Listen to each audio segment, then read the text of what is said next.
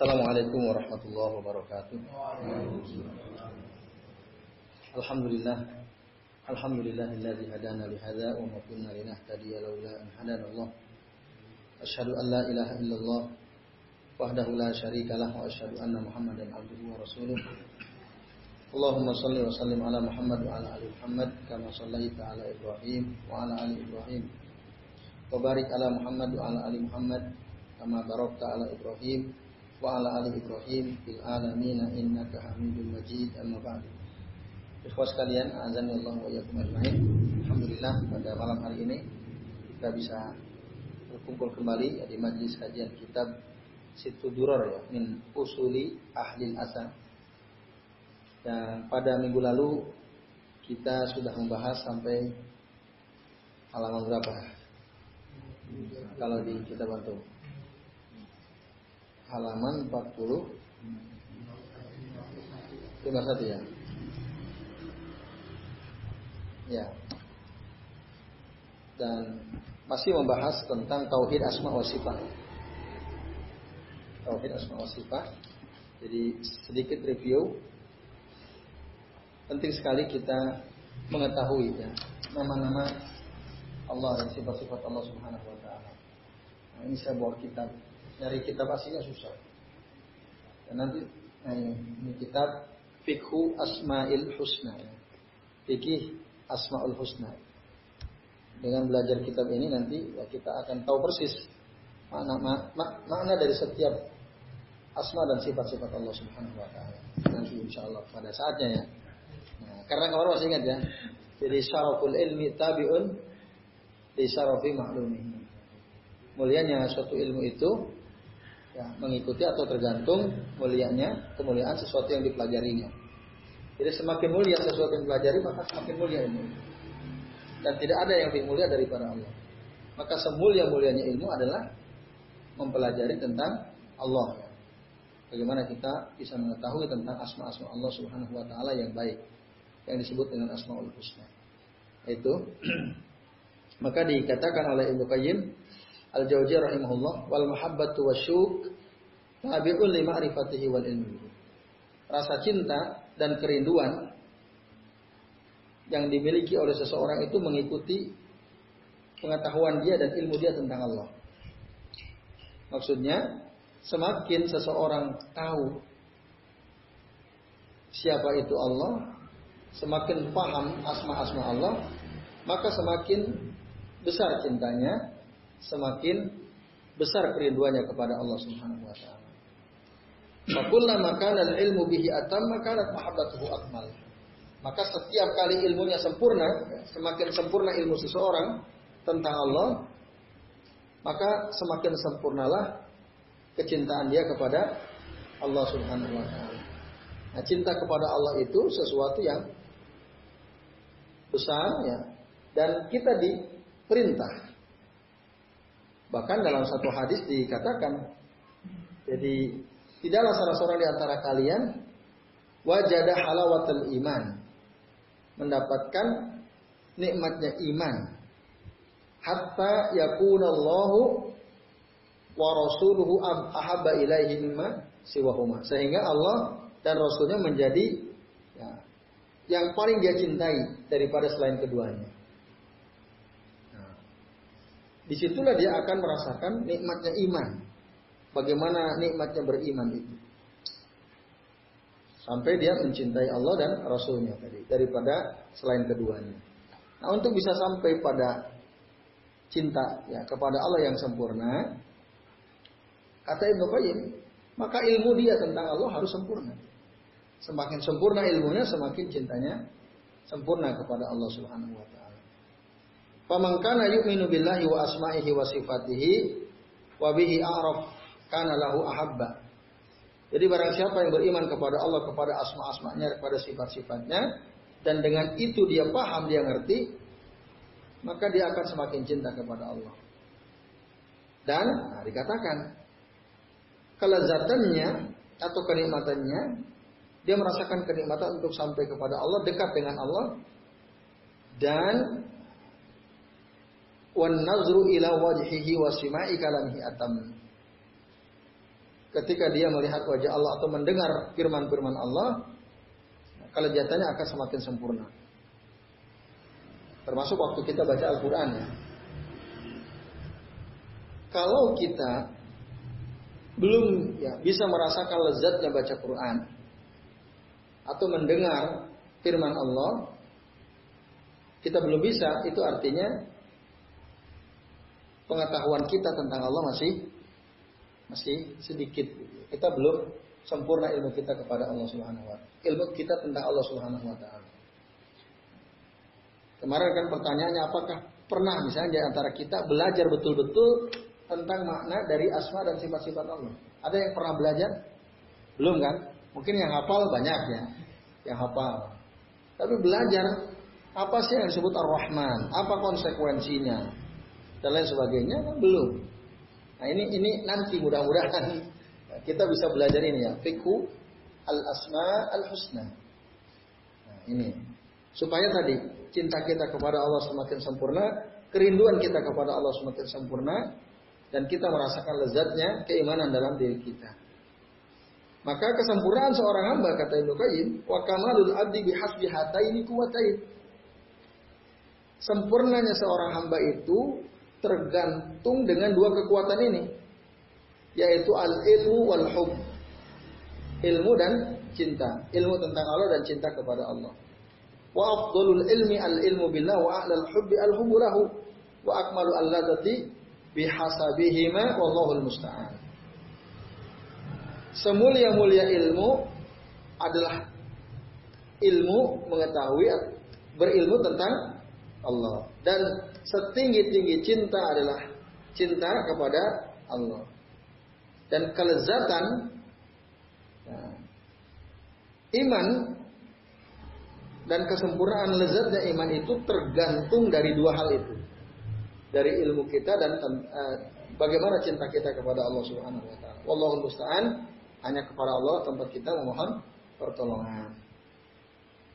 Nah, ini Ibu sekalian apa yang dikatakan oleh Ibnu Qayyim dalam kitab beliau nah,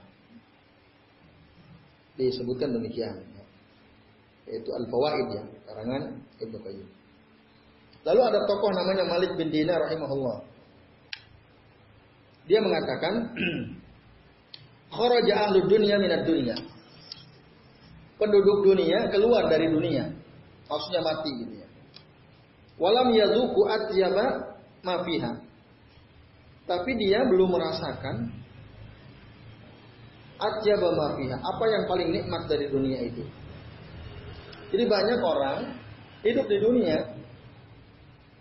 lalu dia mati, tapi dia belum merasakan yang ternikmat dari hidupnya itu.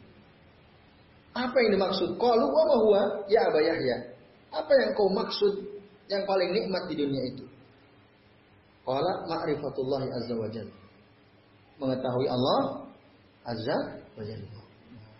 Jadi banyak orang nggak paham. Kalau ditanya Allah tahu, tahu, mungkin tahu dia. Allah di mana, misalnya Allah itu siapa dan seterusnya.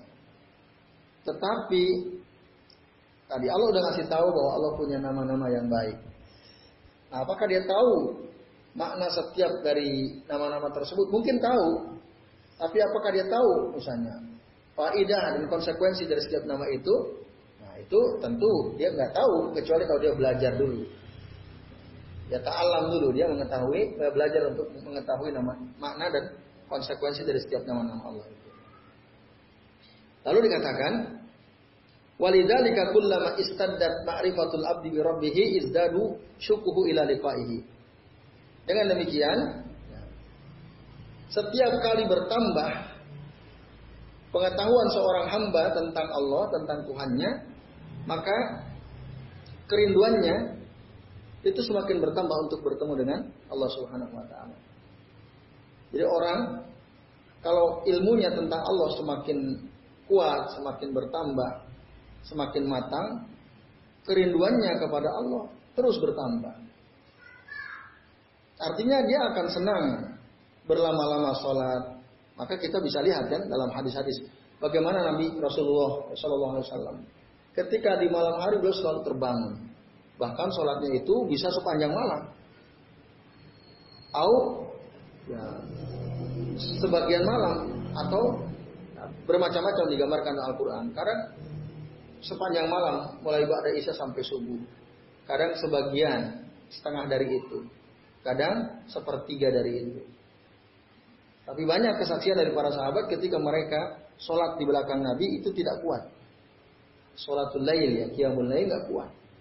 Nah, kok Nabi bisa sepanjang itu sholatnya, selama itu sholatnya? Karena ilmu ilmu Nabi tentang Allah sempurna.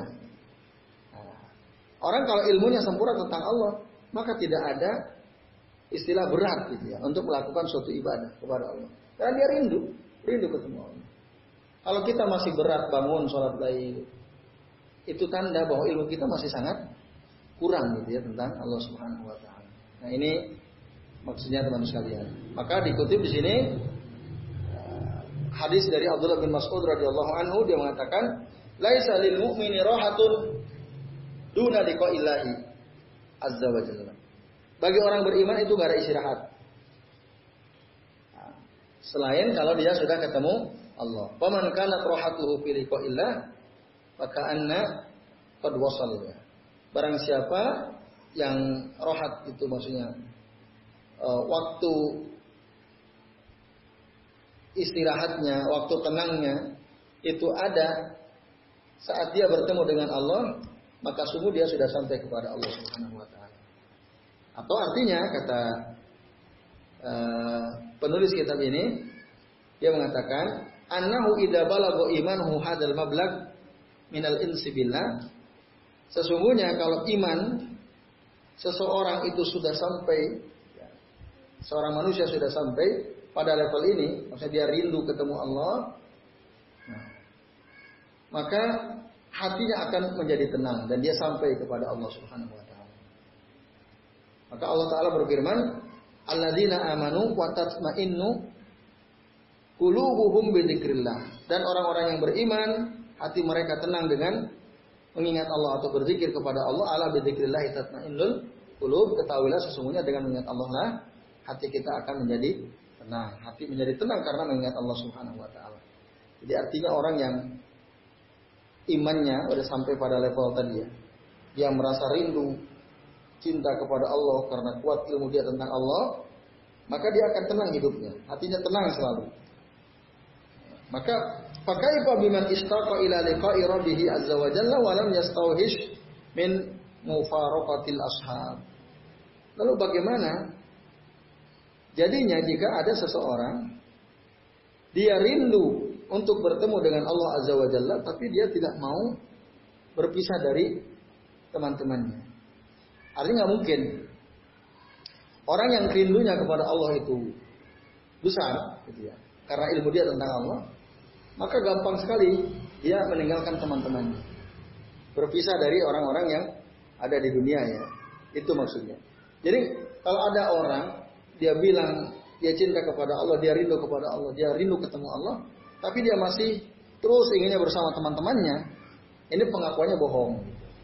Ya orang yang ngaku dia rindunya kuat kepada Allah pasti gampang dia meninggalkan teman-teman. Itu maksudnya. Wakala Adi bin Adi Kata ilayya Umar ibn, ibn Abdul Aziz ya, telah menulis surat kepadaku Umar bin Abdul Aziz. Amma ba'du ini pernyataan Umar bin Abdul Aziz ini membuktikan bahwa orang yang imannya kuat tuh gampang sekali ya meninggalkan teman-temannya. Dan adapun setelah itu kata dia, fa inna lil imani faraid wa sara'i wa hududan wa sunanan. Sesungguhnya keimanan itu memiliki faraid, ya, sesuatu yang wajib-wajib, sarai aturan-aturan, batasan-batasan dan sunnah-sunnah. Faman istakmalaha istakmalal iman. Barang siapa yang menyempurnakan kewajiban-kewajiban iman, aturan-aturan iman, kata apa? Batasan-batasan iman dan sunnah-sunnah iman, sempurna itu, maka sempurnalah imannya. Barang siapa yang tidak menyempurnakan hal itu semua tadi, maka imannya tidak akan sempurna. Lalu Umar bin Abdul Aziz mengatakan, seandainya aku hidup, masih hidup nanti aku akan jelaskan kepada kalian semua sehingga kalian melakukan hal itu. Tapi kalau aku mati, Fama ana bisuhbatikum biharis. Maka ya saya tidak ingin ketemu dengan kalian lagi. Itu maksudnya. Maksudnya apa? Ya kalau udah mati berarti ketemu dengan Allah. Dia rindu ketemu Allah dan sudah tidak ingin lagi ketemu dengan kalian. Itu yang dimaksud dengan perkataan Umar bin Abdul Aziz sebagaimana beliau eh, tulis ya dalam surat yang beliau berikan kepada Adi bin Adi tadi. Lalu dikatakan dan di antara mereka semua ya yang rindunya kuat kepada Allah adalah para pemimpin di alam ini. Siapakah mereka? Mereka adalah para nabi alaihim assalatu wassalam. Semoga salawat dan salam tercurahkan kepada mereka. Para nabi yang paling kuat cintanya kepada Allah, paling kuat kerinduannya kepada Allah. Maka barang siapa yang perhatiannya kepada Allah, nah, inayatu rabbihim, inayatu rabbuhum bihim, paman balagut inayatu rabbihim bihim, ayu khayyiruhum baina ziyadatil hayati wal maut. Nah, orang yang tadi ya para nabi itu dikatakan sini uh, diperhatikan oleh Tuhan mereka dan diberikan pilihan mereka diberikan pilihan apakah mau terus hidup atau mati.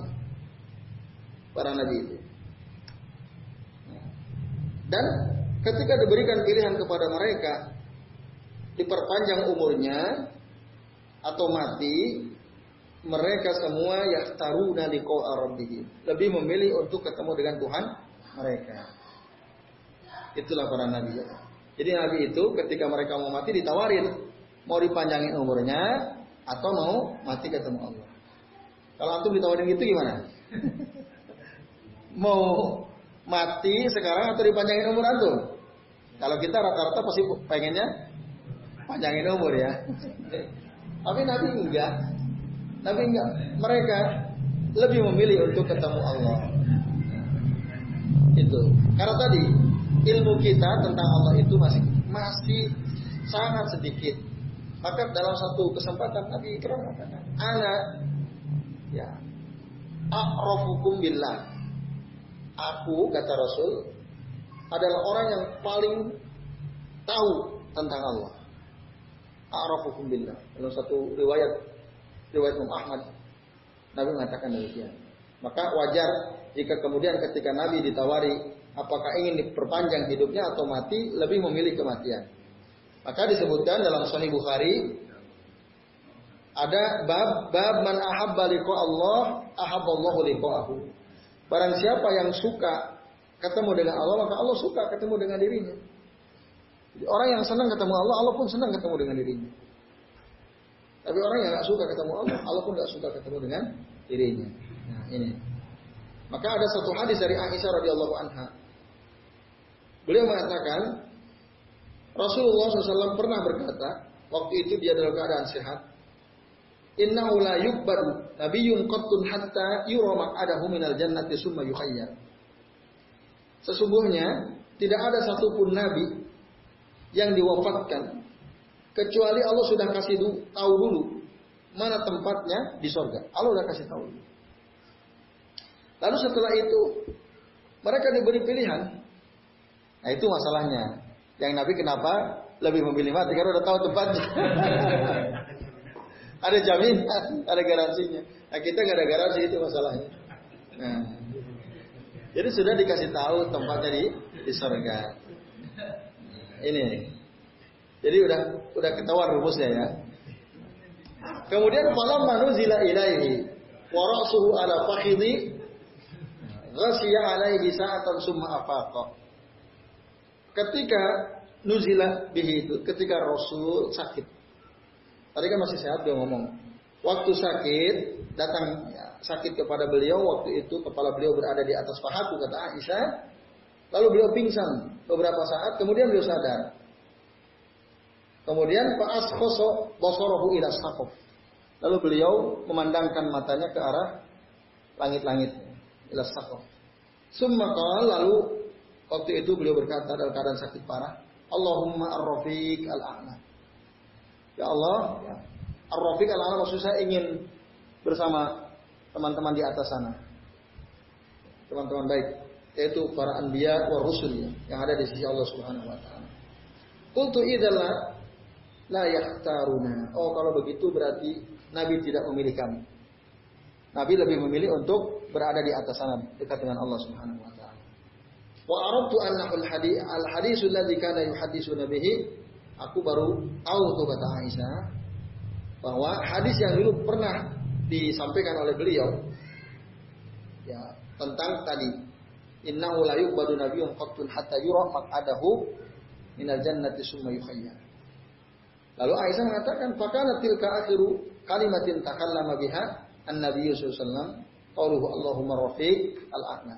Nah, itulah kata terakhir yang disampaikan oleh Nabi sebelum beliau wafat Allahumma ar-rafiq al-a'la. Ya Allah, semoga aku bisa berada di profik itu arti makna asalnya teman-teman ya, teman yang ada di atas sana. Yaitu Allah Subhanahu wa taala. Dan di atas sana para nabi dan rasul. Lalu katakan maka bagaimana mungkin sesuatu yang mengherankan ya? Bagaimana mungkin ada orang yang hatinya keras, penghalang hatinya tebal, untuk bisa memahami keadaan seperti ini. Keadaan tadi yang digambarkan tentang Nabi. Lalu mereka menuduh bahwa setiap orang yang membela sifat-sifat Allah dan asma-asma Allah dari kebatilan atau kesamaran ahlu taktil wa tamsil itu dituduh sebagai melakukan tipu daya.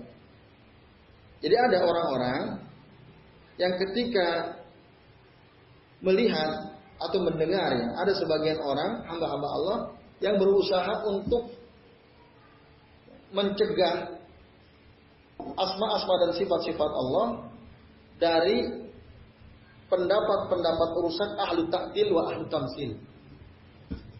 Taktil, masih ingat taktil? Taktil itu menafikan sifat Allah. Kalau tamsil menyamakan Allah dengan kita. Lalu tampillah sebagian ulama untuk membantah ahlu taktil wa tamsil Contoh ahlu taktil teman sekalian, ya orang-orang yang menegasikan sifat Allah. Misalnya Allah dikatakan istawa alal arsh. Mereka bilang nggak mungkin. Allahu bisa nggak mungkin masa Allah di langit, masa Allah di atas. Itu ahlu taktil. Kalau Allah ada di atas, Allah ada di atas arasnya, berarti Allah butuh tempat. Kalau Allah butuh tempat, berarti Allah sama dengan kita. Di satu sisi mereka melakukan taktil, di sisi yang lain melakukan tamsil. Berarti Allah sama sama kita. Karena Allah butuh tempat di atas arasnya. Allah itu tidak butuh tempat. Nah. Orang-orang yang mengatakan seperti itu, maka disebut ahlu taktil atau ahlu ahlu tamsil.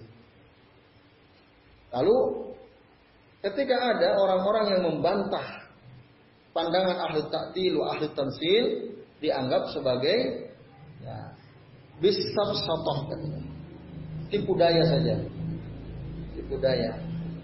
Walam yarau lillahi haqqan alaihim biddifa'i an dzatihi al muqaddasa. Mereka tidak melihat bahwa Allah itu punya hak atas mereka untuk dijaga untuk dipelihara dari kerusakan terhadap zat-zatnya yang yang suci. Maka ketika ada orang yang menegasikan sebagian dari asma-asma Allah atau sifat-sifat Allah, berarti dia sesungguhnya sedang merendahkan Allah. Tadi ketika dia bilang nggak mungkin Allah itu beristiwa, itu artinya istaula katanya. Istawa itu artinya menguasai, bukan apa? Bukan bersemayam. orang yang mengatakan seperti itu berarti dia sedang merusak zat Allah yang suci ya, nama-nama Allah yang yang suci. Itu maksudnya teman-teman. Lalu kaifa yakunu ta'limut tauhid alladhi kana alaihi salafun salih wadzubbu anhu muhatiratin kalamiyatin wa munaqasyatin Bizantiyah. Lalu bagaimana keadaan pengajaran tauhid yang dilakukan oleh para ulama salaf yang soleh, yang terdahulu ya. Salaf itu orang-orang terdahulu yang soleh-soleh. Nah, yang mengajarkan kepada kita tauhid dianggap sebagai muhatiratin kalamiyah. Pernyataan-pernyataan yang kacau. Dan munakosat Bizantiah. Munakosat itu eh, diskusi-diskusi orang-orang Bizantium ya. Kaifa yamtari alaika hadza akhil qari? Bagaimana hal ini bisa terjadi begitu saja wahai saudaraku yang membaca ya. Wa anta la takadu tujawizu ayatan min kitab rabbika illa wa huwa maktumatun bitadzkir bi ismin min asma'illahi ta'ala aw sifatin min sifatihi. Padahal tidak ada satupun ayat yang engkau baca dari Al-Qur'an melainkan ya, banyak sekali bertebaran dalam Al-Qur'an ayat-ayat yang ditutup oleh Allah dengan menyebut nama dari nama-nama Allah atau sifat dari sifat-sifat Allah. Contoh, saya sebutkan Inna Allah Ghafurur Rahim. Ada nggak di situ sifat Allah? Ada. Wa kana Allahu aliman hakima. Ada? Ada. Wallahu azizun zuntiqam. Itu sifat Allah semua. Wa'lamu anna Allah ya'lamu ma fi anfusikum fahdaru. Ya'lamu ma fi anfusikum sifat Allah. Wa kana Allahu qawiyan aziza. Dan sungguh Allah itu maha kuat dan maha perkasa. Wa inna rabbaka lahuwal azizur rahim. Itu sifat Allah. Inna Allah kana alaikum raqiba. Sesungguhnya Allah itu senantiasa mengawasi kalian. Wallahu ghaniyun hamid. Dan Allah itu maha kaya lagi maha terpuji. Inna batsya rabbika la syadid. Sesungguhnya adab Allah itu sangat keras. Innahu huwa yubdi'u wa yu'id. Sesungguhnya Allah yang menciptakan di permulaan dan akan mengembalikan lagi wa huwal ghafurul wadud zul arsyil majid fa'al lima yurid. Itu sifat Allah semua. Al-Buruj ayat 12 sampai 16. Jadi dalam Al-Quran banyak sekali bertebaran sifat-sifat Allah yang disebutkan oleh Allah sendiri. Masa kita mau menolaknya itu? Nah, semua itu adalah asma-asma Allah yang baik dan sifat-sifatnya yang tinggi memiliki pengaruh kepada hati orang yang berilmu. Sehingga dia merasa setiap keadaannya itu diawasi oleh Allah Subhanahu wa taala. Ketika dia merasa setiap keadaannya diawasi oleh Allah, maka sempurnalah malunya kepada Allah. Adakah misalnya di antara kita senantiasa merasa diawasi oleh Allah dalam gerak-gerik kita? Enggak ya? Mungkin kadang-kadang. Coba teman-teman sekalian, pernahkah enggak? Ah, pernahkah kita dalam satu hari itu merasa Allah itu ngawasin terus? Sehingga setiap kali kita mau berbuat sesuatu yang buruk ya, kemaksiatan nggak jadi karena Allah ngawasin kita. Pernah merasa seperti itu? Nah, itu bagus kalau ada. Kalau pernah ya. Karena memang faktanya tadi dalam surah An-Nisa ayat 1, "Innallaha kana 'alaikum raqiba." Sesungguhnya Allah itu senantiasa mengawasi kalian. Itu. Sampai-sampai di sini Sa'id bin Yazid al-Ansari dia bercerita bahwa ada seorang laki-laki bertanya kepada Nabi atau berkata kepada Nabi Shallallahu Alaihi Wasallam, Ya Rasulullah, awsani. Duhai Rasulullah, berikanlah wasiat kepadaku, nasihatilah aku. Qal usika an tastahi min Allah azza wa jalla kama tastahi rajulan min salihi qaumik. Aku nasihati kamu supaya kamu malu kepada Allah sebagaimana kamu malu kepada seseorang yang soleh yang ada di kaummu itu. Nah, jadi, info sekalian, kalau dikatakanlah lingkungan kita ada orang soleh, ada kan ada kiai lah begitu, baik orangnya, betul-betul mencerminkan orang soleh, lalu kita berbuat buruk, dia tahu kira-kira malu apa tidak kita, malu kan? Nah, malu. Maka begitulah kita harusnya malu kepada Allah sebagaimana kita malu terhadap orang soleh.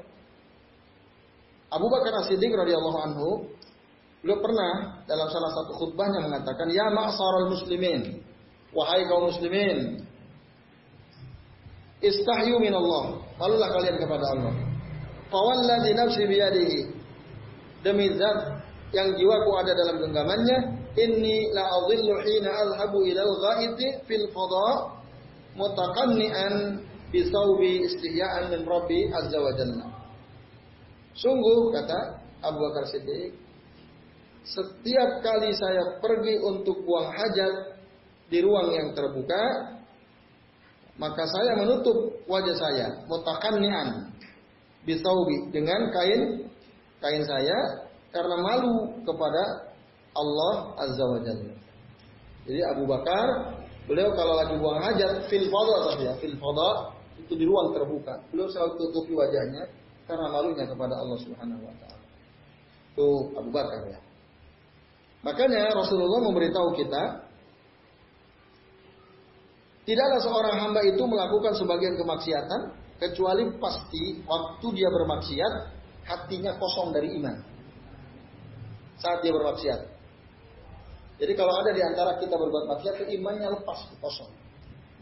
Maka dalam satu hadis mengatakan, La yazni az-zani hina yazni wa huwa mu'minun.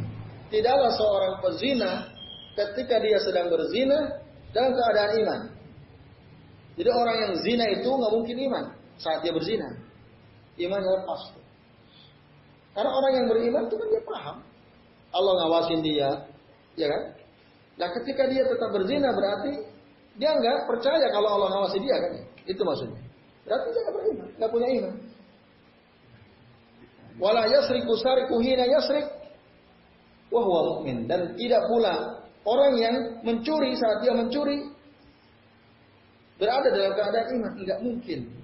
Orang yang mencuri itu pasti lepas ke imannya. Wala yasrabul khamra hina yasrabuha wa huwa mu'min dan begitu pula tidaklah seseorang minum khamar saat dia meminumnya dalam keadaan beriman kata Nabi. Wa taubatu ma'budatun ba'd.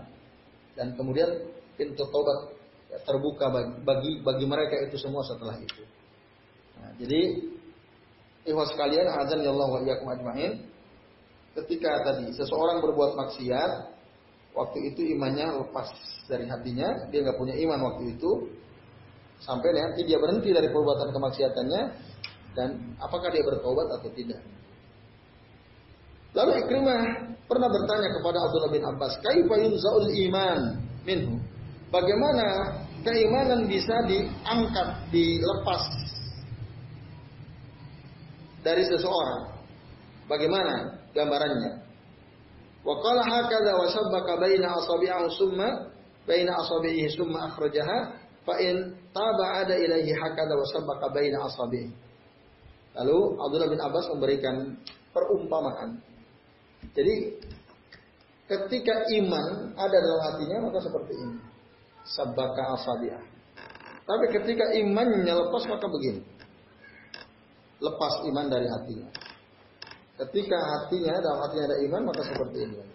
Itu yang dimaksud. Digambarkan oleh Abdullah bin Abbas tentang ketika iman ada atau tidak ada itu. Nah, oleh karenanya Nabiullah Nuh alaihi salam berdoa atau berdakwah ya, mendakwahi kaumnya, tapi waktu itu kaumnya tidak menjawab dakwahnya. Nabi Nuh. Nabi Nuh itu apa? Yang kita kenal dalam sejarah kehidupan Nabi Nuh. Yang apa? Buat perahu ya. Perahu besar. Berapa lama beliau berdakwah? Lebih dari 900 tahun. Yang ikut sedikit. Bahkan anak istrinya saja si Kanan itu kan nggak mau ikut. Nah, itu bayangkan. Lalu dia paham annahu annahum utumin kibali adami ma'rifatihim li azamatillahi azza wa jalla. Nah, kenapa kok mereka tidak beriman? Karena mereka nggak ngerti. Mereka nggak paham tentang keagungan Allah. Allah bisa mahabil wiqar dan keagungan Allah itu disebut dengan wiqar. Dalam surah Nuh ayat 13 ya. Malakum la tarjuna lillahi waqara. Artinya, tidaklah kalian ini mengetahui kebesaran Allah Subhanahu wa taala. Abdul bin Abbas mengatakan la ta'lamuna azamatu. Mereka tidak mengerti kebesaran Allah. Karena tidak mengerti, maka mereka tidak menerima dakwah yang diserukan oleh Nabi Nuh alaihi salam. Itu ikhlas kalian. Kemudian dalam riwayat yang lain Abdullah bin Abbas mengatakan yang dimaksud malakum la tarjuna lillahi wiqara artinya adalah malakum la, tu, la tu'azzimuna Allah haqqa azamatihi. Kalian tidaklah mengagungkan Allah dengan sebenar-benar keagungan ya. Jadi mereka itu tidak mengagungkan Allah dengan sebenar-benarnya. Makanya mereka menolak dakwah Nabi Nuh. Nah. Yang demikian itu, ya, sesungguhnya makhluk kalau dia mengagungkan Allah, maka dia tidak akan pernah mensekutukan Allah dengan apa pun, karena seluruh kebaikan ada di tangan Allah. Bagaimana mungkin seseorang akan bersandar kepada selain Allah? Padahal Allah sendiri pernah menegaskan wa inna min syai'in illa indana khazainuhu. Dan tidaklah ada satupun ya, ada apa pun kecuali di sisi kamilah ya, khazainuhu. Apa yang khazain? Maksudnya ya, ada di tangan Allah simpanannya segala sesuatu. Jadi kita mau minta kekayaan, kita mau minta kesuksesan, kita mau minta kesehatan, kita mau minta petunjuk, semua ada di tangan Allah. Semua ada di tangan Allah. Jadi tidak ada satupun kecuali pasti ada di tangan Allah. Kuncinya ada di tangan Allah Subhanahu wa taala. Nah, maka dengan demikian ikhlas kalian azan yang mau ajmain. Orang yang udah paham ini dia pasti akan senantiasa memperbaiki tauhidnya kepada Allah dan dia akan menjauhi kesyirikan. Perbuatan syirik kepada Allah Subhanahu wa taala. Nah, itu teman-teman sekalian azan yang Allah Maka dengan demikian kalau kata saya Abdul Razak Al Badar ya, kalau kita kita sadar bahwa semua itu kuncinya ada di Allah, ada di sisi Allah, maka kita pasti akan banyak-banyak berdoa meminta kepada Allah Subhanahu wa taala. Karena semua Allah yang pegang. Bahkan sampai petunjuk ya. Berbu kita mampu berbuat baik itu semua kuncinya ada di Allah. Jadi kalau ada di antara kita yang selama ini merasa kok masih berat, berbuat baik, berat, beribadah dengan ibadah-ibadah sunnah, maka berdoalah kepada Allah. Maka ada satu doa yang diajarkan Nabi itu ya, Allahumma a'inni ala zikrika wa syukrika wa husni ibadati. Nah, itu baca terus tuh. Allahumma a'inni ya Allah, tolonglah aku ala zikrika untuk senantiasa mengingat Engkau ya Allah wa syukrika dan untuk senantiasa bersyukur kepadamu ya Allah wa husni ibadah dan untuk senantiasa bisa memperbaiki ibadahku kepada Engkau ya Allah. Nah, itu. Itu contoh doa yang biasa dibaca oleh Nabi Shallallahu alaihi wasallam. Kapan? Di akhir sholat. Ya, duburi kulli sholat. Di akhir setiap sholat beliau. Nah, lalu kemudian dan sesungguhnya keburukan semuanya madfu'un anhum bi quwwatihi wa qahrihi wa jabarutihi. Itu semua ya, tercegah dari mereka karena kekuatan Allah. Karena kekuasaan Allah, Allah Ta'ala berfirman, Alaihissallahu bikafin abdahu. Bukankah Allah sudah cukup untuk menjaga hambanya? Wa yukhawwifuna kabil ladina min dunihi. Dan mereka menakut-nakuti engkau dengan sesuatu yang disembah selain Allah. Jadi ada kata-kata alaihissallahu bikafin abdahu. Tidaklah Allah cukup untuk menjaga, memelihara hambanya. Harusnya cukup. Orang yang ngerti ayat ini, dia nggak takut sama siapa pun, karena Allah yang jaga. Kan gitu, bikafin abdahu. Dia tidak akan, meskipun ditakut-takuti, dia nggak akan takut. Selama dia benar ya, sesuai dengan aturan-aturan Allah dan Rasulnya. Dia tidak akan takut. Itu maksudnya. Nah, ini dia paham bahwa di antara sifat Allah itu menjaga hamba-hambanya. Kemudian sekalian dikatakan di sini, seandainya makhluk itu memuliakan, mengagungkan Tuhan mereka, maka niscaya hatinya akan tenang. Jadi kalau dia senantiasa mengagung-agungkan Allah, banyak berzikir kepada Allah, hatinya akan ya, tenang dan takut. Takut tapi tenang. Takut kepada Allah tapi dengan ketakutan kepada Allah dia menjadi tenang. Dari tadi, ala bi zikrillah tatmainnul qulub. Ketahuilah sesungguhnya dengan Allah itu hatinya akan menjadi tenang. Sehingga nanti kamu tidak akan melihat dari mereka berbuat maksiat. Karena apa?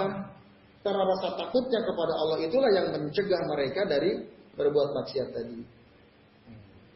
Sebagaimana dikatakan oleh Sa'id bin Jubair radhiyallahu anhu dia mengatakan, "Innal khasyata an tahsallaha hatta tahulu khasyatuka bainaka wa baina maksiatik." Sesungguhnya rasa takut kepada Allah, sesungguhnya takut itu adalah takut kepada Allah sehingga rasa takutmu kepada Allah itu bisa menghalangi engkau dari berbuat maksiat. Rasa takutmu kepada Allah bisa menghalangi dirimu dari berbuat maksiat. Itulah takut yang sebenarnya. Maka Al-Quran itu disebutkan ya. Innama yakhsallaha min ibadihil ulama. Sesungguhnya hanya para ulama lah, hanya orang-orang berilmu lah yang takut kepada Allah. Kan dia tahu, tahu ilmu, dia ngerti tentang sifat Allah, tentang zat Allah, maka dia takut. Itu, itulah rasa takut yang sebenarnya. Nah, dan orang yang punya rasa takut, dia akan senantiasa ya menjauhi kemaksiatan dari Allah. Lalu dikatakan wa dzikru ta'atullah dan di antara mengingat Allah itu adalah taat kepada Allah. Jadi zikir itu dengan demikian ada dua macamnya. Ada zikru bil kauli, ada zikru bil fi'li atau bil ta'ati. Zikir dengan perkataan, ada zikir dengan perbuatan. Saat seseorang taat kepada Allah, misalnya Allah melarang dia berbuat dosa, dia menghindar menghindar perbuatan dosa. Allah melarang kita uh, misalnya bertransaksi riba karena itu haram ya halallahu bai'a wa riba misalnya. Maka dia taat, dia berusaha untuk menjauhi itu semua. Nah, ini artinya Walaupun tidak ngomong, sesungguhnya dia sedang mengingat Allah Subhanahu wa taala. Itu. Maka barang siapa yang taat kepada Allah, sungguh dia sudah mengingat Allah. Dan barang siapa yang tidak taat kepada Allah, falaisa bidakirin. Orang yang tidak taat kepada Allah, dia itu tidak dianggap sebagai orang yang mengingat Allah. Nah. Wa in aksarat tasbiha wa tilawatal Quran. Meskipun banyak mengucapkan subhanallah, subhanallah, subhanallah, sering baca Quran, tapi perilakunya sehari-hari nggak takut sama Allah. Ada nggak? Rajin baca Quran, rajin bertasbih, mengucapkan Subhanallah, tapi kesehariannya, perbuatannya menunjukkan dia tidak taat kepada Allah Subhanahu Wa Taala. Nah itu namanya semu ya, kata apa namanya? Zikir semu kayak gitu. Ya. Kan baca Quran zikir, mengucapkan tasbih zikir. Tapi tadi tidak menyebutkan dia taat. Dia nggak taat sama Allah. Nah, ini apa? Shadow shadow zikir gitu ya. Nah itu itu itu nggak benar gitu. Jadi inti dari zikir itu adalah ketaatan. Inti dari zikir adalah ketaatan. Banyaknya tasbih, banyaknya baca Quran tidak ada artinya jika dia tidak taat sama Allah. Nah itu ikhwas sekalian, azan ya Allah wa Jadi saya kira suatu pernyataan penting ya. Jadi wa man lam yuti yuti'hu falaysa bidzakirin wa in aksara tasbih wa tilawatal Quran. Kemudian Nah, dalam perkataan ini ada makna yang sangat daki ya. Yang sangat penting yang bagi at-tanabuh lahu yang hendaknya diperhatikan yaitu bahwasannya seorang hamba itu dia tidak akan bermaksiat kepada Allah kecuali jika hilang dari hatinya perasaan diawasi oleh Allah Subhanahu wa taala. Jadi seseorang tidak mungkin bermaksiat kepada Allah kecuali rasa diawasi oleh Allahnya hilang. Ya kan? Betul nggak? Kalau dia merasa diawasi oleh Allah, nggak mungkin dia berbuat maksiat. Tapi ketika dia tidak merasa diawasi Allah, gampang dia berbuat maksiat. Nah, akhirnya dia merasa Allah tidak bersama dia. Dia merasa Allah tidak mendengar dia, dia merasa Allah tidak melihat dia. Lalu dia dikuasai oleh hawa nafsunya sendiri dan dia berbuat maksiat. Dan akhirnya hatinya tertutup. Sudah ilaiha qalbuhu suddan walakinnahu matadzakara ittila Allah alaihi inta. Tetapi saat ya, dia mengingat lalu terbuka Allah nampak gitu. Nah, di situ dia sadar. Maka Allah berfirman, "Alam ya'lam bi anna Allah yara." Tidaklah dia tahu bahwa sesungguhnya Allah itu melihat kita. Surah Al-Alaq ayat 14. Jadi, iwas sekalian, azan ya Allah wa iyyakum ajmain. Tadi penting merasa bahwa kita ini senantiasa diawasi Allah, merasa bahwa Allah itu senantiasa melihat kita. Karena Allah sendiri yang bilang. Alam ya'lam bi anna Allah yara. Ini. Maka konsekuensi dari dari sifat Allah bahwa Allah itu melihat konsekuensinya kita sebagai hambanya tawakuf atau berhenti dari semua perbuatan maksiat. Karena malu kita dilihat Allah. Itu konsekuensi dari memahami bahwa sifat Allah di antara sifat Allah itu Allah melihat atau Allah mengetahui. Al ilm itu alim alimun hakim. Lalu kemudian itu kami mengatakan lagi, "Faman atau Allahu faqad dzakarahu." Barang siapa yang taat kepada Allah, sungguh dia sudah mengingat Allah. Yuridu bidzikri ya. Yang dimaksud zikir di sini adalah aslu zikri wa asasuhu. Pondasi zikir dan asasnya yang paling dasar. Yaitu apa? Wa zikrul qalb, zikir dengan hati, walladzi huwa akbaru ba'isin ala ta'ah dan dia merupakan faktor paling besar yang bisa menyebabkan seseorang menjadi taat. Sebagaimana katakan Maimun bin Mihran rahimahullah, az-zikru zikrani. Nah, ini. Maimun bin Mihran. Zikir itu ada dua macam. Zikrul lisani hasanun. Berzikir dengan lisan ini sesuatu yang baik. Wa afdalu min dalika, tetapi ada yang lebih utama dari sekedar zikir dengan lisan, yaitu apa ayat Qur'an al-ardu indal ma'siyati fa yumsiku anha. Ketika seseorang mengingat Allah pada saat dia mau berbuat maksiat lalu dia berhenti. Itulah zikir yang paling dahsyat. Saat dia mau berbuat maksiat, tapi berhenti dia. Ah itu intisari dari zikir itu itu. Jadi kalau hanya sekedar zikir lisan, nggak ada bobotnya. Tapi itu baik katanya, baik. Cuman yang lebih utama adalah zikir yang tergambarkan atau termanifestasikan dalam ketaatan kepada Allah. Sedikit lagi itu Maka perkaranya kembali kepada taat dan berhenti dari kemaksiatan ila ma'rifatillahi wa muraqabatihi wa khasyatihi. Ya. Tergantung ya.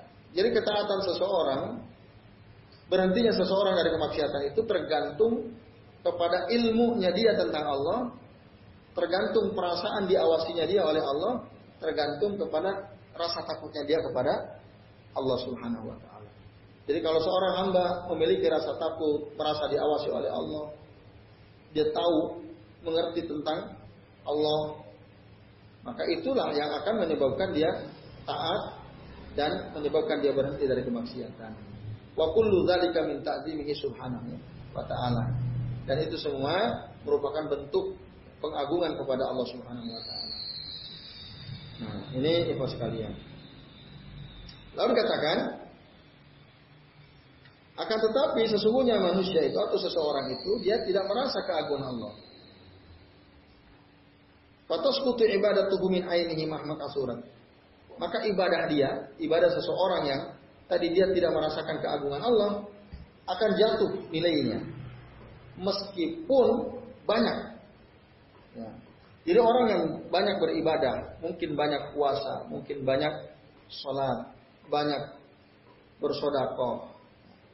Tapi dia tidak merasakan keagungan Allah, maka ibadahnya itu ya sia-sia, jatuh nilainya, nggak ada nilainya. Wala yaroha syai'an fi jambillahi azza wa jalla. Dan nanti dia tidak akan bisa melihat sedikit pun di sisi Allah dari pahala amal baiknya itu. Nah, maka payat ta'uhu dzalika ila al-ijtihad bil ibadati wa isanha.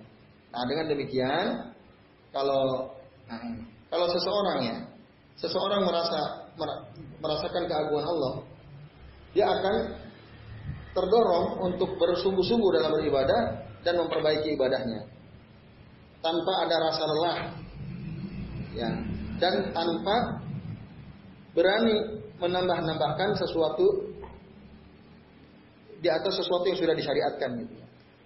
Jadi kalau ada seseorang dia merasa keagungan Allah, merasakan keagungan Allah, uh, oh maaf. Jadi begini, kalau seseorang dia merasakan keagungan Allah, maka ibadahnya dia meskipun banyak, itu dia merasa tidak ada nilainya itu maksudnya. Mungkin kita banyak puasa, kita banyak baca Quran, banyak sholat. Tapi karena kita merasa Allah itu maha agung, jadi sebanyak apa pun ibadah yang kita lakukan, menurut kita sendiri itu nggak ada artinya. Kurang gitu ya. Jika dibandingkan dengan keagungan Allah dan dengan kemurahan Allah Subhanahu wa taala kepada kita. Nah, coba terus kalian, adakah di antara kita yang merasa ibadah kita udah baik banget? Sholat kita, zikir kita misalnya. Kalau kita merasa begitu, oh berarti kita belum merasakan keagungan Allah Subhanahu wa taala. Kalau dia merasakan Allah itu maha agung, maka dia tidak akan pernah menilai ibadahnya itu sempurna. Itu maksudnya. Dia akan di matanya itu akan ya, kecil ibadah itu kecil. Sekarang ini kan musim panas nih. Banyak orang kehabisan air, tapi di rumah kita masih ada air. Itu kan nikmat kan? Pernahkah kita mensyukuri ya Allah alhamdulillah masih masih ada air di rumah kan itu? Coba sekali aja nggak ada air habis di rumah kita, Bingungnya bukan main tuh ya. Sengsara hidup. Air aja Allah hentikan gitu dari sumur yang ada di rumah kita. Sengsara hidup kita kan. Nah, ini luar biasa. Tapi jarang kita rasakan itu. Kita kan? Kita banyak sekali kemewahan yang Allah berikan kepada kita. Nikmat yang Allah berikan kepada kita. Tapi kita tidak sadari. Akhirnya kita merasa udah baik aja kan. Udah baik. Padahal apa apa yang kita lakukan itu sesungguhnya sangat kecil jika dibandingkan dengan nikmat yang Allah berikan kepada kita. Nah, nah orang yang merasakan keagungan Allah, dia merasa ibadahnya itu nggak ada apa-apanya dan dia tidak melihat tidak melihat ada apa-apa dari apa yang dia lakukan itu. Nah, tapi sikap begini bagus. Akhirnya dia terdorong ya. Fayadfa'uhu dzalika ilal ijtihad fil ibadati wa keadaan tersebut akan mendorong dia untuk bersungguh-sungguh dalam beribadah dan memperbaiki ibadahnya. Tidak mudah capek gitu ya dalam beribadah. Min ghairi kunut wala ziyadatin alal masruf dan juga tidak berani dia menambah-nambahan menambah-nambahkan ibadahnya padahal itu tidak disyariatkan nah, ini ini kata-kata terakhir pentingnya jadi kalau kalau seseorang betul dia merasa Allah itu maha agung, Allah itu banyak sekali memberikan kenikmatan, dia nggak akan mungkin berani menambahkan amalan-amalan yang tidak disyariatkan oleh Allah Subhanahu wa taala atau Allah oleh Rasul Shallallahu alaihi wasallam. Paham ya maksudnya ya? Nah, kalau ada orang kok nambah-nambahin ibadah padahal itu enggak disyariatkan berarti dia belum paham. Dia nggak ngerti keagungan Allah. Itu ikhlas kalian. Karena dia membuat syariat baru, padahal syariat itu lam yasra' bihillahi azza wa jalla. Allah tidak mensyariatkannya. Wala rasuluh dan juga tidak rasulnya. Nah, terakhir ya, yang dua baris terakhir. Sampai sini dulu ya. Maka dikatakan, Fata'ammal halal ladina kabadu lailahum qiyaman ta'iin. Maka renungkanlah keadaan orang-orang yang menghidupkan malam-malam mereka dengan beribadah kepada Allah dalam ketaatan. Bagaimana mereka khatamu ibadatahum bil istighfar. Menutup ibadah-ibadah mereka dengan istighfar. Min taksirihim wajilin. Dan mereka takut kepada Allah dari perbuatan taksir. Taksir itu kurang maksimal dalam beribadah. Maka Allah Ta'ala berfirman, Kanu qalilan minal laili ma yahja'un wa bil asharihum yastaghfirun. Jadi mereka hamba-hamba Allah yang taat itu adalah yang ketika malam hari tidurnya sedikit. Qalilan ma yahja'un. Wa bil asharihum yastaghfirun. Dan di waktu sahur mereka bangun untuk apa? Mohon ampun, beristighfar kepada Allah Subhanahu wa taala. Nah, surah Az-Zariyat ayat 17 sampai ayat 18. Nah, sampai sini dulu terus kalian uh, penjelasan tambahan ya dari tauhid asma dan sifat. Ya, saya kira ini saja. Insya Allah nanti kita lanjut lagi di pertemuan yang akan datang. Selebihnya barangkali ada di antara teman-teman yang mau konfirmasi atau bertanya, kami persilahkan. Ya, monggo, Waalaikumsalam. Warahmatullahi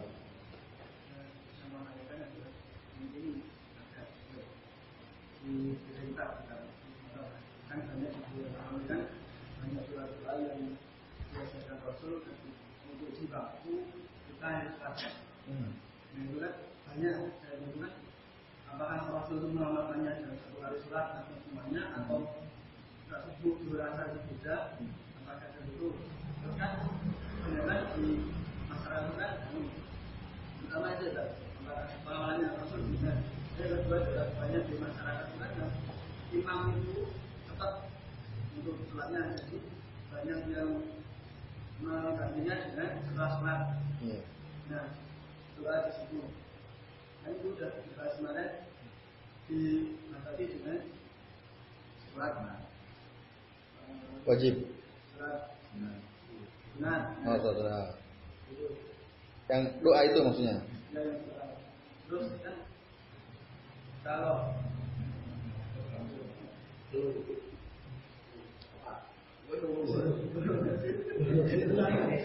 sama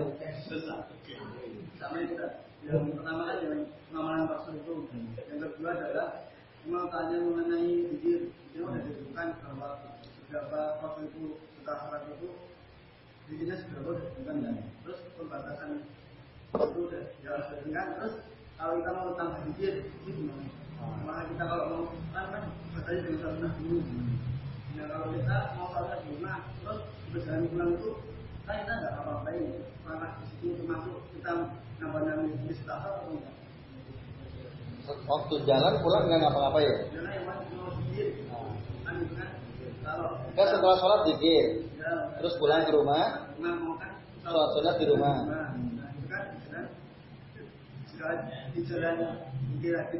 Oh gitu ya. Ya baik, terima kasih Mas Abdul. Ada tiga pertanyaan ya. Bagaimana pengamalan Rasul? Kan banyak sekali ya disebutkan di dalam kitab Bulughul Maram doa-doa yang diajarkan oleh Nabi SAW. Bahkan di kitab-kitab lain. Di antara yang sering dibaca oleh Nabi, yang saya baca di kitab Sifatul Salat Nabi yang lengkap ya. Nabi itu sering membaca di akhir tasawufnya itu Allahumma hasibni hisabai yasiro. Allahumma hasibni hisabai yasira. Kan nggak ada tuh di kitab Bulughul Maram. Bahkan ada banyak doa-doa lain yang dicantumkan oleh Syekh Al Albani dalam kitab beliau. Beliau menyebutkan dalil-dalil dan doa bermacam variasi doa yang biasa dibaca oleh Nabi dalam tasyahudnya. Dan di, tidak semua disebutkan dalam kitab Bulughul Bulughul Maram. Nah, apakah itu semua dibaca oleh Nabi SAW secara bersamaan atau ada variasi? Kadang-kadang dibaca, kadang-kadang tidak. Nah, jawabannya yang kedua, Kadang beliau membaca yang ini, kadang membaca yang lain. Tapi yang jelas semua itu pernah dibaca oleh Nabi dalam doa ketika tasyahud terakhir. kalau begitu, konsekuensinya kan kemarin udah dibahas, lama, beliau itu lama. Tasyahud itu lama, tidak cepat gitu ya. karena apa? Di situlah doanya. Yang ketika Rasul ditanya ayu du'ain asma fi jauhil lail wa fi duburi kulli shalawatil maktubah. Di tengah malam dan di akhir setiap sholat wajib. Itu jelas spesifik di akhir setiap sholat wajib. Jadi Rasul lama tasyahudnya itu. Nah, itu jadi tadi kalau pengamalannya berbeda-beda, tetapi semuanya dibaca oleh Nabi, pernah dibaca oleh Nabi dalam sholat beliau, mobil khusus tadi dalam tasyahud terakhir, termasuk dalam sujud beliau ya. Nah terus, tapi faktanya banyak imam cepat kan? Banyak imam cepat. Lebih disukai mana? Imam yang lama atau yang cepat? Tasawufnya, sujudnya. Lebih disukai mana coba oleh orang kebanyakan? Yang cepat ya. Nah, tadi ada pertanyaan. Jadi teman sekalian, Rasul mengatakan ada tiga golongan manusia yang sholatuhu la tuzawiju la tujawizu adhanhum ada tiga golongan manusia yang sholatnya itu tidak sampai kepada Allah. Bahkan tidak bisa melewati telinga mereka, nggak bisa lewat. Nggak nyampe ke Allah sholatnya. Siapa mereka? Nah, disebutkan ada tiga. Jadi seorang hamba sahaya yang lari meninggalkan tuannya hatta yarjia sampai dia kembali lagi. Yang kedua seorang wanita. Imra'atun batat fi lailatin wa kana zaujuha sahitan biha. Seorang wanita yang tidur di malam hari padahal suaminya marah sama dia. Itu sholatnya nggak diterima. Selama suaminya tidak memaafkan, maka selama itu juga sholat si wanita itu tidak diterima. Yang ketiga, seorang ya, imamu kaumin wahum lahu karihun. Seorang imam bagi suatu kaum, tapi kaumnya nggak suka sama si imam itu nggak suka. Oh itu bahaya sekali itu. Kalau ada imam kaumnya nggak suka, maksudnya jamaahnya nggak suka sama si imam itu, sholat si imam tersebut gak diterima, nggak naik naik. Itu. Kalau sholat makmum ya sah.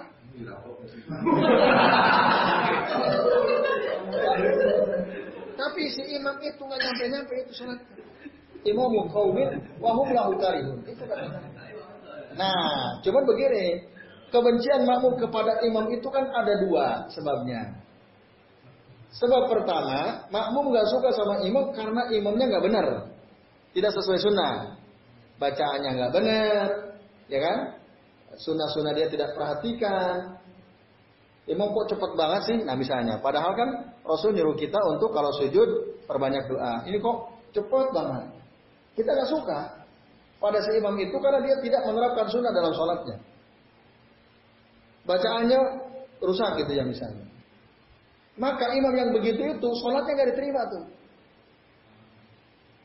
Ya, makmum nggak suka karena banyak kelemahan pada si imam itu. Ya tadi sunnah tidak dihidupkan dalam sholat. Maka ini ngeri kan?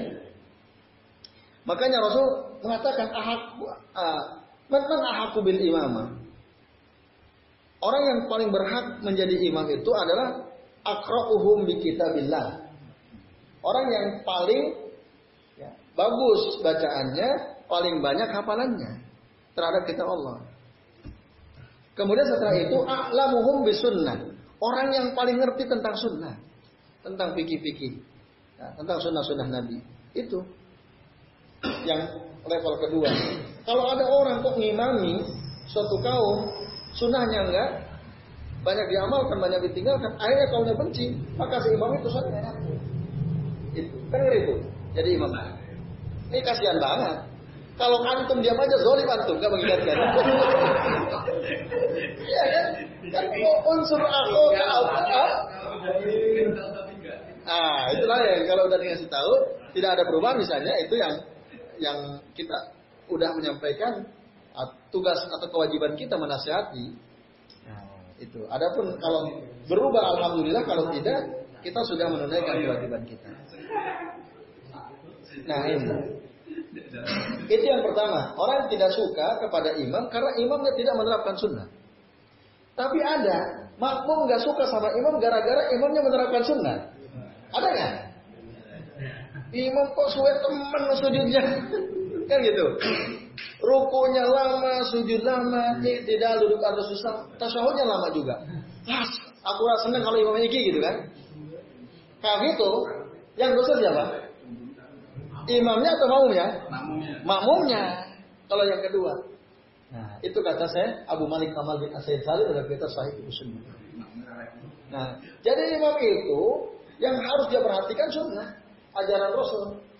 Perkara makmum suka nggak suka, biarin aja yang dosa yang mereka sendiri.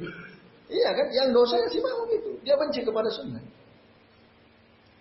Nah, tadi ada jamaah waktu saya ngisi kajian di Masjid Nurul Jannah tadi, kan pada nanya tuh, atau ada ibu-ibu, termasuk ini tadi ya. Oh, kita nggak senang kalau imamnya terlalu lama sujudnya gitu. Pak ibu bilangnya teriak, oh nggak ngaji ngajinya baru sekarang gitu. langsung diam sih ibu itu, kasihan langsung merah wajahnya itu. Nah, terus ya saya sampaikan bu, kalau sujud lama itu sesuai sunnah. Kalau ada orang nggak suka sama imam sujudnya lama, yang dosa ya dia, si makmumnya bukan imamnya. Karena hadisnya kan jelas, ya kan?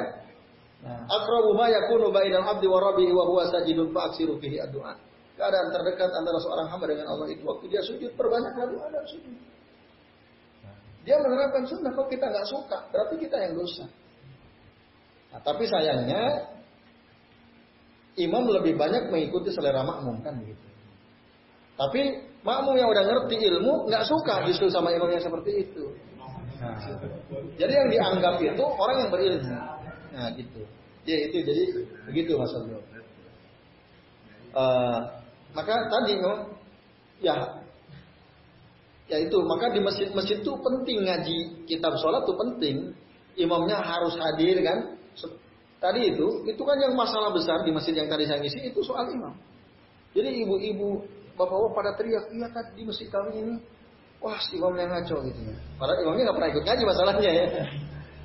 Nah itu terus gimana? Ya saya bilang harus dipilih. Ada musyawarah tamir pilih. Siapa yang paling berhak jadi imam. Nah, tidak ada cara lain kecuali itu kan. Masalahnya standar yang terbaik bagaimana ngukurnya kan itu. Mungkin itu yang kerepotan. Nah, kecuali mungkin mendatangkan ahli Quran, ahli tilawah, lalu orang-orang yang berpotensi jadi imam dites satu-satu, ya kan? Lalu ada rekomendasi dan diumumkan yang paling layak, paling bagus adalah si fulan fulan. Gitu. Itu caranya manggil orang-orang yang ahlul Quran lah. Nah, cara itu yang terbaik ya. Di samping tentu penilaian jamaah, saya kira bisa jadi tolak ukur juga kan. Oh ini udah baik. Tapi mungkin kalau jamaah yang ukur, para imam itu nggak nggak mau dengar dengar gitu. Tapi kalau ahlinya yang nilai kan, dia akan menerima gitu ahlinya. Ya mungkin itu caranya. Terus tadi, gimana kalau setelah selesai sholat, zikir, tapi mau sholatnya di rumah, sholat ba'diyahnya. Nah, di antara waktu dari masjid sampai ke rumah itu kan kita zikir, zikir yang lain. Itu bagaimana? Apakah dianggap sebagai tambahan ya menambahkan sesuatu yang tidak diajarkan oleh Rasul? Nah, jawabannya tidak tidak dianggap karena uh, walaupun memang zikir pada sholat itu bisa dilakukan sambil jalan, bisa dilakukan sambil duduk, bisa dilakukan sambil berbaring bahkan. Ayatnya kan jelas ya. Jadi ya Allah qiyama wa wa ala junubihim. Itu mungkin. Walaupun yang terbaik ya tentu kalau setelah sholat duduk ya, menghadap ke arah kiblat dalam posisi kita duduk setelah sholat. Tapi kalau nggak sempat karena ada kepentingan ya kita sambil jalan. Tapi ini masalahnya saya sudah selesai zikir yang diajarkan Nabi sebagaimana disebutkan dalam hadis itu. Lalu pulang. Ya udah saat kita pulang meninggalkan masjid, apa yang kita baca waktu kita duduk ya itu sesuai dengan sunnah Nabi. Nah, sedangkan waktu berikutnya saat kita pulang itu udah keadaan yang berbeda. Nah, sudah dihitung tidak lagi uh, bagian dari setelah selesai sholat itu. Maka kalau begitu leluasa kita mau zikir apa saja boleh. Terutama zikir-zikir yang diajarkan Nabi misalnya baca subhanallah alhamdulillah wa la ilaha illallah wallahu akbar subhanallah wa bihamdi subhanallahil azim atau banyak istighfar astagfirullah terserah kita. Nah, itu boleh tuh memperbanyak istighfar yang Nabi kata beliau sendiri kan inilah astagfirullah fil yaumi wal lailati la la la, la min mi'ati marrah au min sab'ina marrah. Aku beristighfar sehari semalam kepada Allah tidak kurang dari 100 kali, tidak kurang dari 70 kali. Nah, itu kita bisa manfaatkan. Nah di rumah nanti sholat ini apa sholat badiah, ya, sholat rawatib kan di rumah yang paling baik ya. Nah saat itu ya kita berdoa bisa. Gitu ya. Itu yang tadi kalau kembali kepada sunnah Rasul, Rasul banyaknya berdoa justru di dalam sholat itu. Ya waktu sujud sama tasyahud terakhir itu. Ya, kalau sujud termasuk ketika sujud salat sunnah. Tapi kalau tasyahud terakhir itu hanya ketika satu wajib saja. Karena Rasul nyebut jelas ya.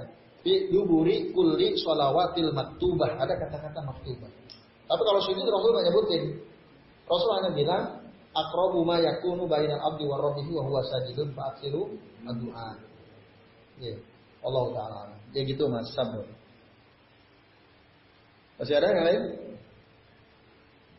Cukup ya? Oke. Baik, teman-teman sekalian. Jadi ini yang kita bisa bahas. Terima kasih atas perhatian antum semua dan mudah-mudahan apa yang kita pelajari malam ini ya bermanfaat untuk kita semua. Amin ya Allah ya rabbal alamin. Eh, nanti diakhiri oleh Mas Yoyo. Saya sebelum saya kembalikan waktu ke Mas Yoyo, saya akhiri billahi taufiq wal hidayah. Wassalamualaikum warahmatullahi wabarakatuh. Terima